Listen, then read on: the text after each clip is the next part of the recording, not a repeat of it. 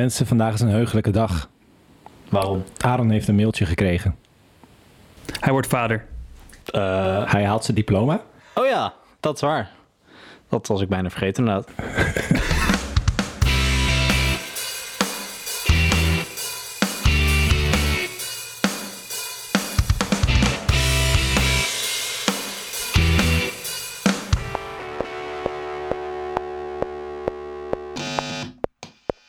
Nee, vandaag is een, eh, is een bijzondere dag, want eh, Aaron is volgens mij de eerste van het gezin die eh, binnen de reguliere tijd daadwerkelijk zijn diploma heeft gehaald. Ja, hoe dat is gelukt. dat- Hoe voelt dat?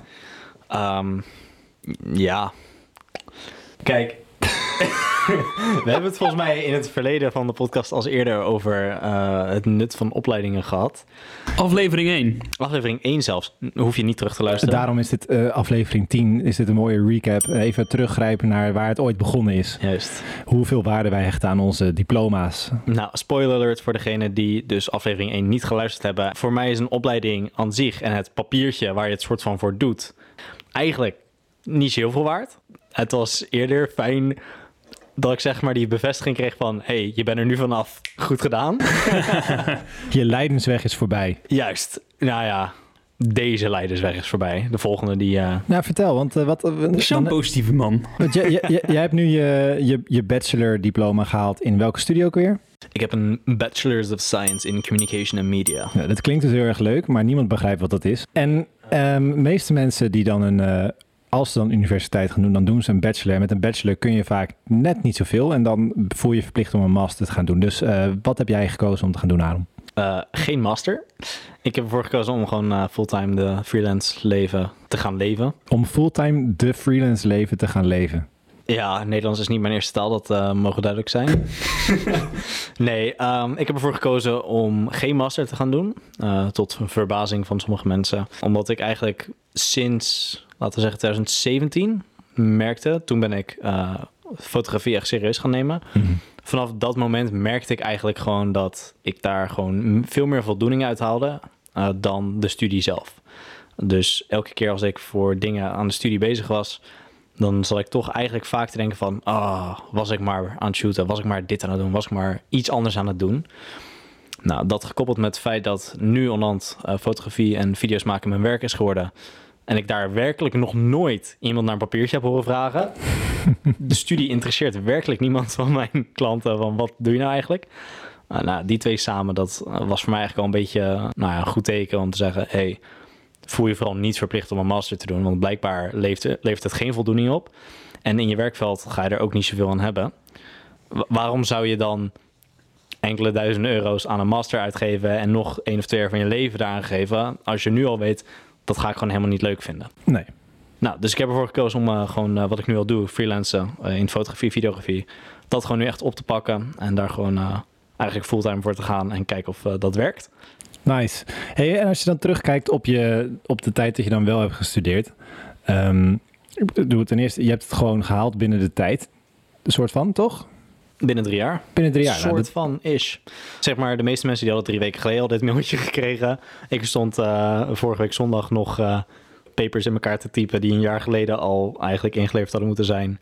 Maar we hebben het allemaal gehaald. Past mooi binnen het thema van de podcast natuurlijk. Ehm, maar, maar dan nog, je hebt het wel gedaan. Dus wat heeft jou er dan toch doorheen gesleept? Dat vind ik wel een... eh, Nou, aanvankelijk was dat eigenlijk één nou ja, vrij groot punt. En dat was eh, het exchange-programma. Waarmee we dus eh, voor langere tijd in het buitenland konden studeren. mhm. Nou, misschien weten jullie, of sommigen van jullie al, dat ik dat in Canada heb gedaan. Dus ik heb van augustus tot in december heb ik in Calgary in Canada gewoond. En daar gestudeerd, af en toe. Eh, heel veel vrienden gemaakt, eh, veel naar de bergen geweest. En daar gewoon echt een eh, fantastische tijd door gehad. Eh wetende dat mijn studie die ervaring aanbood, dat hield me eigenlijk al vanaf 2017, toen ik al dacht van, oh, ik vind studeren eigenlijk helemaal niet zo heel fantastisch, hield dan maar gewoon gaande. Want ik dacht wel van, ja, maar dat wil ik gewoon. Daar gaan we voor. Nou toen kwam ik terug. Toen had ik nog zes weken vakantie en toen begon het eigenlijk de laatste twee, drie vakken en scriptie schrijven. Nou ja, en dan zit je er al 2,5 jaar in en dan denk je, wow, dat kan ik net zo goed afmaken ook. Plus, anders had ik mijn studenten-OV terug moeten betalen en daar had ik ook niet zo heel veel zin in. Dus eh, toen dachten we, laat het maar afmaken. En eh, nou ja, dat is gelukt. Dat is Mooi, echt, man. echt de beste drijfveer om een studie af te maken. Gewoon een studieschuld die je opbouwt als je het niet afmaakt. Juist. Niet dat ik nu geen studieschuld heb, maar minder dan eh, als ik ermee was gestopt. Lekker man. Hey, en eh, zijn er dan toch nog dingen die, eh, waar je wel wat aan hebt gehad tijdens je studie? Nou ja, als, ehm, als mensen mij nu vragen van... denk je dat een studie eh, nuttig is of moet ik dat gaan doen? Dan zou ik sowieso zeggen van... check even wat jouw werkveld is. Waar wil je heen gaan? Wil jij net zoals ik inderdaad ook ja, in de creative scene... wil je freelancer zijn? Wil jij fotograaf worden of iets in die richting? Dan ga je van een studie ga je niet zoveel leren. Eh, alles wat je daarin wilt kunnen... valt ook van YouTube of van die websites als Skillshare of whatever... Mhm. Uh, dat kun je daar allemaal vandaan halen. Dus als het om praktische kennis gaat en eh, een creatief oog ontwikkelen, daar ga je aan een studie, zeker een universitaire studie, niet zoveel van hebben. Wat het je wel brengt, is een netwerk aan mensen. Het brengt je gewoon in eh, contact met mensen die waarschijnlijk later gewoon op allemaal toffe plekken gaan werken. Voor wie het misschien dan heel handig is als zij dan iemand kennen waarvan ze weten van, oh ja, die jongen of dat meisje die doet eh, dit voor werk, die kan foto's maken. Uh, dus dat netwerk wat je opbouwt, dat is echt heel waardevol. Um, en ik geloof wel dat het een zekere manier van denken aanleert. En een zekere manier van uh, snel kennis opnemen en verwerken. Wat ook gewoon uh, in je hele leven nog waardevol gaat zijn. Ik bedoel, als jij gemiddeld per week vier, vijf academische papers uh, moet verslinden en moet weten wat erin staat en uh, er papers van kunnen schrijven, nou ja, dan leer je vrij snel dat stukje kennis vergaren en verwerken. En dat is ook zeker waardevol. Dus mocht je nou denken, dat klinkt interessant, dat wil ik leren, of ik wil naast zo'n netwerk opbouwen, nou, dan is een studie echt een fantastisch middel. Denk je, ik wil graag een vak leren, nou, dan zou ik even twee keer nadenken voordat je aan een uh, studie begint. Nou, voor alle professoren die nog, nu nog niet zijn afgehaakt. Um, Aaron, heb je nog een boodschap voor ze? Wat hadden ze moeten doen om het jou interessanter uh, te laten lijken? Ja, ik weet het niet eigenlijk. Daarom, ja, hoe... Zullen we die er anders zo meteen even in, in parkeren? Want waarom ik blij ben dat ik ben gaan, uh, ben gaan studeren voordat ik, uh, voordat ik ZZP'er werd, is dat ik anders zeg maar, op mijn zeventiende al van mijn eigen inkomen afhankelijk was. Dat is denk ik ook een hele belangrijke, belangrijke drijfveer om een studie te doen. Uh, zodat je niet echt op een, uh, op een hele jonge leeftijd al uh, moet gaan werken zonder dat je echt een netwerk hebt en zonder dat je überhaupt jezelf rechtmatig in mag schrijven bij de KVK. nee, dat is wel echt een goed punt inderdaad. Um, als ik even terug ga, namelijk, ik begon namelijk ook niet direct vanuit de middelbare school met studeren. Ik heb eerst een tussenjaar genomen, omdat ik eigenlijk in een situatie was waar ik echt geen idee had wat me nou interessant leek. En ik wilde, omdat toen het nieuwe systeem van lenen inging, ook niet aan een studie wilde beginnen om hem dan halverwege te kappen en dan met een studieschuld te zitten. Uh, nou, dat laatste niet helemaal gelukt, maar... Um, nee, klinkt niet bekend. Nee, nee. nou, dus um, in dat opzicht denk ik ook gewoon dat uh, die ervaring die ik daar heb meegemaakt... Uh, en nu ik inderdaad gewoon een paar jaar ouder ben... Um, ja, ik denk niet dat ik diezelfde weg zo had kunnen inslaan, net als een 18-jarig pikkie. Maar dat laat niet weg dat ik ook niet denk van... oh, dan is een studie dus extreem waardevol in puur het leren van skills of iets dergelijks. Dat denk ik nog steeds niet. Uh, het is wel een goede manier om je tijd in te vullen, inderdaad. Terwijl jij nog volle bezig bent met jezelf ontwikkelen en eigenlijk jezelf leren kennen. Dus ja, als jij iets uh, vindt waarvan je denkt van... oh, dit lijkt me op zich interessant... en hier vind ik het wel van oké okay om drie jaar van mijn leven aan te geven... Um, zonder dat ik mezelf ga haten, ja, dat moet je het vooral doen. ik ben eigenlijk wel benieuwd naar wat jullie allebei, uh, Erwin en Aaron, voor de luisteraars die dat uh, vergeten zijn. We hebben ons nog niet voorgesteld, hè, maar... Ik ben Aaron. Die is net afgestudeerd. Hey. Ruben, die is al een tijdje afgestudeerd. Een en tijdje, die heeft er... Twee jaar. Anderhalf jaar amper, joh. Die heeft er langer over gedaan dan dat hij nu is afgestudeerd. Joh, ik heb langer gestudeerd dan uh, dat ik uh, niet heb gestudeerd, volgens mij. Ja, dat is een doordenken. Dat kan alleen als je heel lang hebt gestudeerd. Wauw. En ik ben al uh, twee keer zo lang bezig als uh, Aaron met studeren. En ik heb het ook nog steeds niet afgemaakt. Ach. Daarom. Dus um, omdat het allemaal best wel een beetje lastig is. Hoe zouden jullie, uh, als jullie het zelf voor het kiezen hadden gehad. Hoe zouden jullie dan zo'n studie inrichten dat je er wel wat aan zou hebben gehad? In ieder geval meer. Iets waar ik uh, best wel tegenaan liep. En wat denk ik vrij specifiek is voor universitaire studies. Is dat men weet dat iedereen die daar uh, rondloopt op een gegeven moment ook een baan wil. of aan het werk moet gaan en dus de arbeidsmarkt toetreedt. Op zich, ja. Maar dat vrijwel geen enkel vak wat gegeven wordt eh, daar eigenlijk rekening mee houdt. Althans niet in, in mijn uh, faculteit en in mijn uh, sectie wat, gedeeld, wat nou, psychologie, sociologie in die kant zat, sociale studies. De, de pretstudies, zeg maar. De pretstudies, ja. inderdaad. Um, ja, je kan daar 80 vakken volgen over influencer marketing en weet ik het wat voor onzin, maar niets daarvan gaat je klaarstomen voor het werkelijke betreden van de arbeidsmarkt. Ik bedoel, ik ken in jaar drie nog steeds mensen die, die bij God niet weten hoe ze een presentatie moeten geven. Dus die zie ik ook niet zo snel uh, voor een board van directors staan en daar hun even een goede sales pitch uh, mee overweldigen. Dat, dat, dat soort skills die vrij essentieel zijn in het leven. Nou, ik denk dat het uh, veel waarde zou bieden als dat soort dingen ook in een format worden aangeboden op universiteit, liefst verplicht. Want jongens, als je drie jaar studeert en je kan nog steeds niet presenteren, dat, dat, nee, nee, dat kan echt niet. Nee. En in het, in het verlengde daarvan ook, dat je geen, geen meters maakt in de dingen die uiteindelijk van je verwacht worden. Dus weet ik het, ja, als je alleen, als je alleen papers schrijft en, en tentamens maakt en weet ik het wat, dan ben je niet bezig met werken met de materie die je bespreekt. Dus als er van je wordt verwacht dat je werkt met de uh, materie waarin je bent, uh, bent opgeleid, op het moment dat je op, je werk aankomt, dan heb je alsnog geen flauw idee wat je ermee moet doen, omdat je het nog nooit hebt gedaan. Nou ja, dat vind ik eigenlijk niet kunnen. En hoe, hoe zou je dat dan wel uh, kunnen leren tijdens je studie? Nou, door het wel te doen. Ja, maar hoe, hoe ziet dat eruit?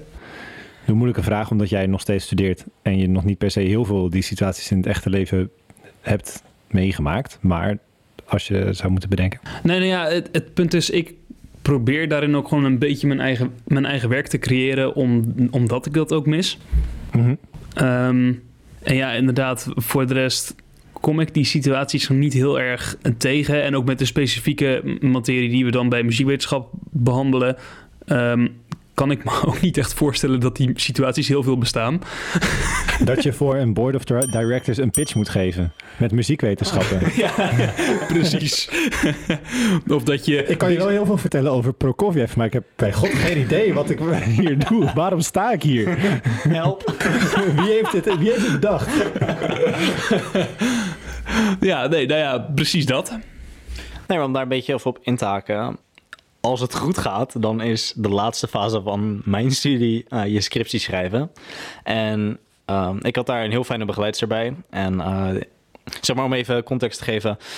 Bij mijn studie werd je scriptie eigenlijk vrij uh, begeleid gemaakt. Dus in plaats van dat ze zeiden, oh, kies een onderwerp en ga maar schrijven en we zien je over drie maanden wel weer, kregen wij gewoon een vak te volgen en werden wij gewoon stapsgewijs dat hele proces doorgeloodst, wat wel echt heel fijn is. En bij de allereerste nou ja, sessie van uh, dat vak ging ze even uitleggen waarom mensen nou eigenlijk scripties moeten schrijven en uh, wat het nut daarvan voor een universiteit is. En toen legde hij dus uit dat dat eigenlijk gewoon een geldjacht is voor de universiteit. Dat werkt zeg maar zo. Universiteiten verdienen onder meer geld door publicaties in hoog aangeschreven wetenschappelijke bladen. Nou, daar verdienen zij gewoon vet veel geld aan. En wat zij dus doen is, zijn altijd op zoek naar mensen die bij hun onderzoek kunnen doen waarvan zij denken van dit kan hoogwaardig onderzoek zijn wat dus gepubliceerd kan worden, dus geld kan opleveren. En het hele scriptiesysteem is er dus opgebouwd om eigenlijk al uh, te scouten naar mensen die eventueel uh, dat soort papers zouden kunnen schrijven. Dus die ze een research master in kunnen loodsen. Dus de scripties zijn eigenlijk gewoon de voorrondes. Uh, zijn maar een soort van Holland's Got Talent. En ze gaan gewoon even iedereen langs en kijken: oké, jij hebt wel talent. Of tenminste, jij gaat wel geld voor ons verdienen en jij niet. Dus dat is eigenlijk het nut van een scriptie. En wat we daardoor eigenlijk dus willen, is niet zozeer dat jij een heel creatief onderzoek doet of uh, baanbrekend nieuwe nou ja, onderzoeken gaat voor een nieuw onderwerp aankaart. Maar dat, dat jij gewoon laat zien dat wat jij schrijft eigenlijk binnen het plaatje past van de academische wereld. En zij daar dus geld aan kunnen verdienen. Ja. En eigenlijk omdat het systeem dus zo is ingericht, werden wij vanaf dag één eigenlijk al ontmoedigd van oké, dit is leuk, maar hier ga je niet hoog op scoren, want academische relevantie is niet zo hoog. Want uh, in mijn geval, jij bent veel te veel gericht op de maatschappij en niet op de, de academische wereld. Dat soort richtingen. Jij, jij past niet binnen de bubbel. Juist. Ja, maar dat is juist hetgene waar ik me echt enorm aan frustreer. het hoeft niet relevant te zijn voor de maatschappij. Het moet relevant zijn voor, eh, voor het eigen straatje. Dus het is, het is gewoon een beetje zelfverdruiping. Je bent, eh, in mijn geval, ik ben muziekwetenschappelijke papers aan het schrijven voor muziekwetenschappers. Niet voor mensen die daar daadwerkelijk wat mee kunnen en, eh, en daar verder mee gaan. Ja, precies. Maar wat dat ook als gevolg heeft, is dat die wereld zich ontwikkelt los van uh, de rest van de wereld? Ja, los van de rest van de wereld die, waar dat relevant voor zou kunnen zijn. En dat er ook hele vreemde eh, ideeën ontstaan over de wereld waarover wordt, uh, over, over wordt geschreven.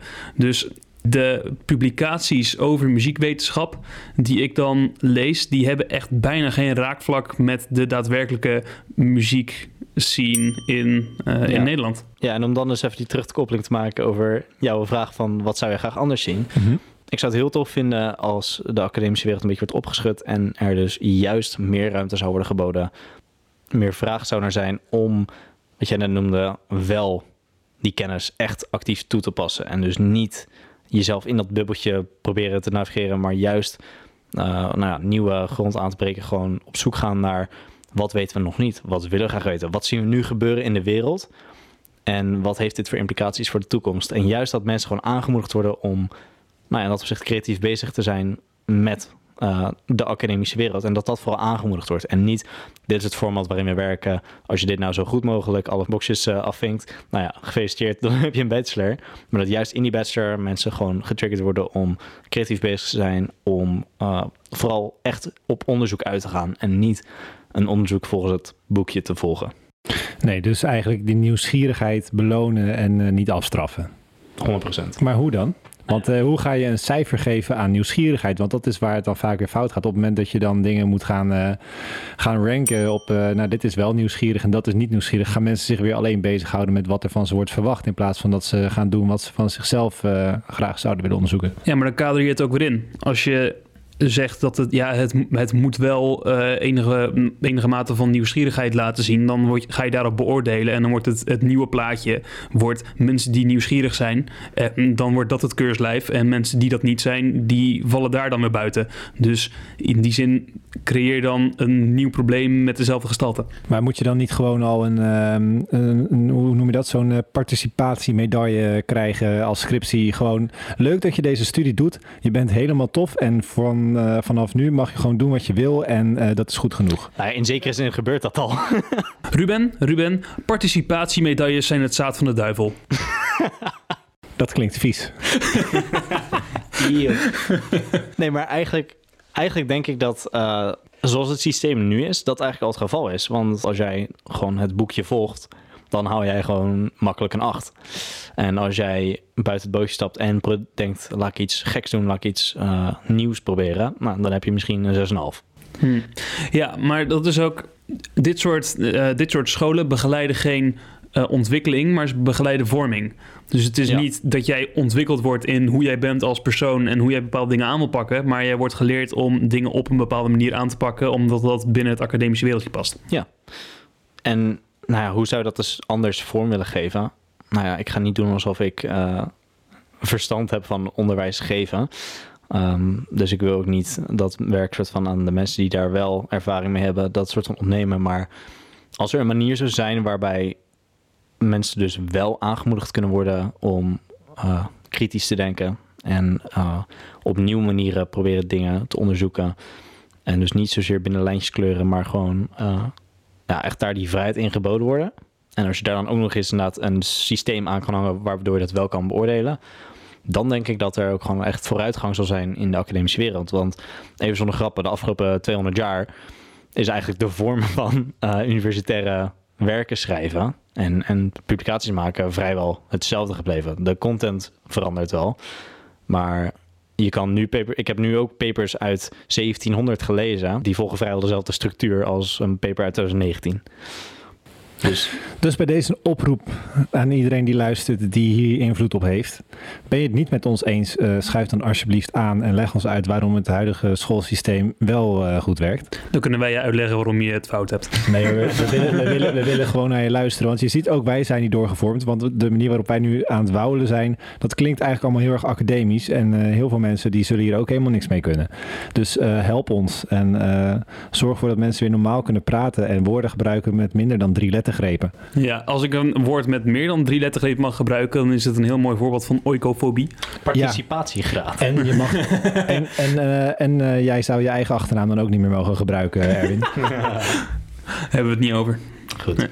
nou ja, bij deze help ons. We- zijn stiekem wel trots op onze diploma's. Gewoon vanwege het feit dat we het hebben gehaald. Ook al hebben we keihard ons best gedaan om het niet te doen. Hé, wat? Behalve Erwin. Want die moet er nog. Maar dat komt wel goed. Ja, volgens mij is het tijd om, om langzamerhand eh, afscheid te nemen. Want volgens mij gaat eh, Ruben er even tussenuit. Ik ga heel eventjes eh, naar Italië lekker wijn drinken. Lekker hoor. En eh, daarom eh, sluiten wij dit eerste seizoen af. Dat is raar, want we hebben dus dan tien afleveringen opgenomen en gepubliceerd als je dit hoort. Wie had dat gedacht? Dat we er zover zouden komen Ja. dat we niet na een halve aflevering zouden afhaken. Ja, Is er toch iets goeds gebeurd? Is er toch ergens goed voor geweest, die podcast? Over het algemeen zeggen ze toch van uitstel komt afstel. Maar eh, Bij ons is het van afstel komt uitstel, komt een podcast. ja, Toch? goed verhaal. Wat? Ja, die kan je nog een keer terugluisteren. Ehm, bedankt voor eh, jullie aandacht. We zijn er eh, over een paar weken weer bij je terug. Met een, een versie 2.0. We hebben dan van al onze fouten geleerd. We hebben naar jullie feedback geluisterd. We hebben als het goed is eh, heel erg toffe eh, Instagram teaser stories. eh, waarin het net lijkt alsof we heel erg professioneel zijn. Ja, en als je dan de eerste aflevering van het nieuwe seizoen luistert en je hoort dit dan terug, dan denk je, ach jongens, doe nou is, niet. nee. Nee. wij maken nog steeds groei door. Wij, zoals we wel vaker zeggen, wij denken ook maar eh, dat we alles weten. Maar we zijn nog hard aan het leren. Dus eh, hopelijk eh, wordt alleen maar stijgende lijn vanaf hier, toch? Daarom. En eh, afgelopen seizoen hadden we twee gasten op tien afleveringen. Dat eh, is eigenlijk een beetje magertjes. We zijn op zoek naar meer gasten. We hebben een hele lijst, dus die gaan we sowieso benaderen. Maar ken je iemand, stuur hem door. Ja, en als je er zelf wil aanhaken, hè, als we rond seizoen 5 zijn, dan kom je wel een keer aan de beurt. Daarom. En eh, als je een keer een beetje klaar bent met al die eh, bassige stemmen. eh, we, we zijn ook wel gewoon op zoek naar verschillende invalshoeken. En eh, we willen niet alleen maar mensen die wij heel erg goed kennen aan tafel hebben. Wat over het algemeen eh, mannen tussen de 20 en eh, 35 zijn. Ehm, Oké, dankjewel. Dit was eh, seizoen 1 van de Uitstellers. Seizoen 1, jongens. Goed gedaan.